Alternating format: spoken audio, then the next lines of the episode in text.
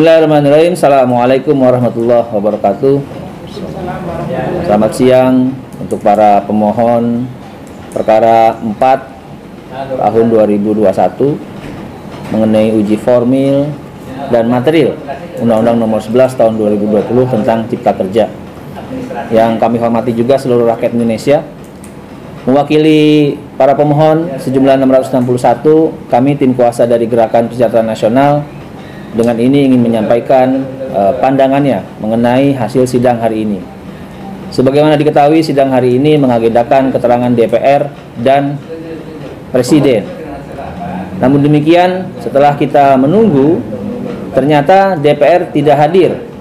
Menurut keterangan mahkamah, dikatakan DPR punya agenda sidang lain.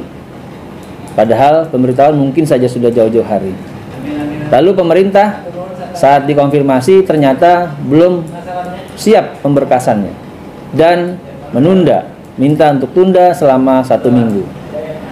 Dengan ini kami dari tim kuasa pertama tentu kami mengatakan menyatakan kecewa terhadap proses persidangan ini karena ternyata para termohon DPR dan Presiden tidak segercep bikin undang-undang cipta kerja. Kami mengajukan permohonan sejak 7 Desember tahun 2020. Sekarang sudah 10 Juni 2021.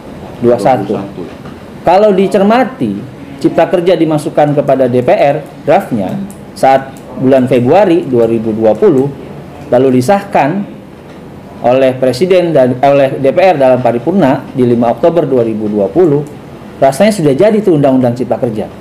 Dan waktunya tentu lebih sedikit daripada proses pengujian kita. Undang-Undang Cipta Kerja beserta aturan turunannya sudah mulai merugikan banyak para pemohon dan rakyat pekerja. Karena itu kami berharap dalam persidangan sebelumnya Presiden dan DPR dapat hadir dalam persidangan beserta kesiapan pemberkasannya. Oleh karena itu juga kami minta kepada Mahkamah Konstitusi tadi sudah disampaikan ternyata ada uji formil itu 60 hari kerja.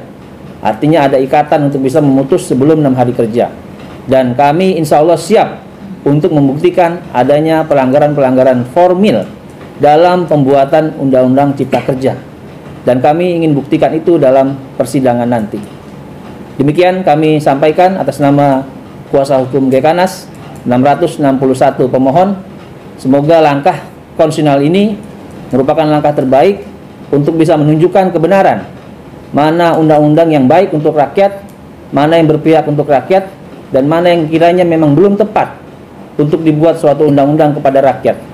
Semoga Allah bersama kita. Amin. Terima kasih. Assalamualaikum warahmatullahi wabarakatuh. Waalaikumsalam warahmatullahi wabarakatuh.